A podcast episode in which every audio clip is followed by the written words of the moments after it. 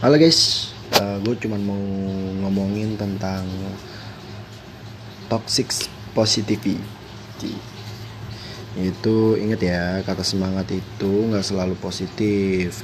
Jadilah teman yang baik yang selalu siap memberikan pundak untuk berbagi beban pikiran tanpa perlu menghakimi. Ini ya, kadang kan kita punya temen nih, ketika lagi cerita bukannya nyemangatin kita malah ngakimin kita malah nyalahin kita. Kan gedek ya cerita asik-asik enak-enak pengen dapat solusi malah jadi solasi. Masalah. Kan ribet kalau kayak gitu.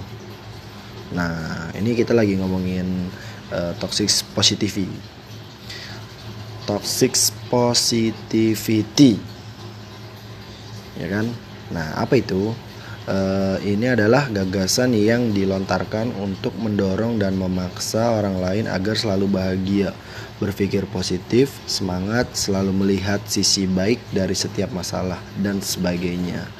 Soalnya nih uh, biasanya ini membuat kita menjadi halu, ya kan? Kadang ada masalah, ada beban pikiran yang kita punya, kita ngerasa eh kita bisa, kita bisa, padahal mah rapuh gitu halu. Ujung-ujungnya sedih sendiri sedih tiba-tiba ya kan? Nah kenapa nih nggak bagus buat kita?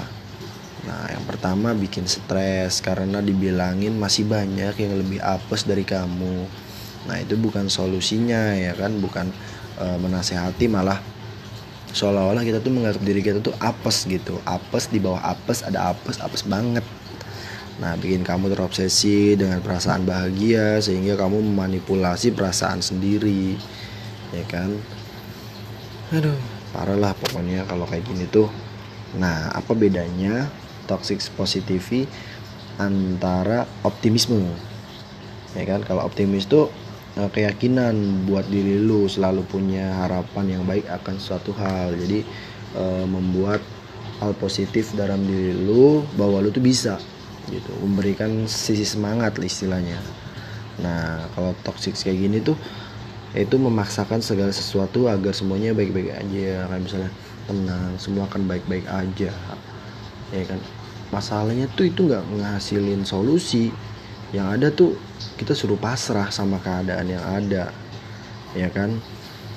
Nah makanya tuh kita harus hati-hati. Jangan sampai tuh kita kayak gitu. Kita yang perlu kita pegang tuh optimis optimis bahwa kita bisa mencapai sebuah tujuan. Kalau tujuannya kita fokus jelas ya pasti kan kita punya step-step yang kita jalanin kan. Uh, kita punya tujuan kita punya harapan kita punya apa yang kita maksud.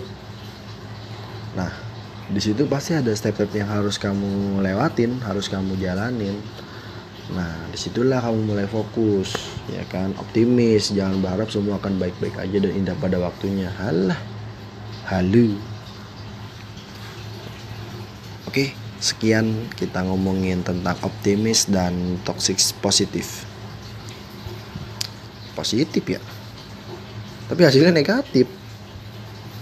Aduh kusut.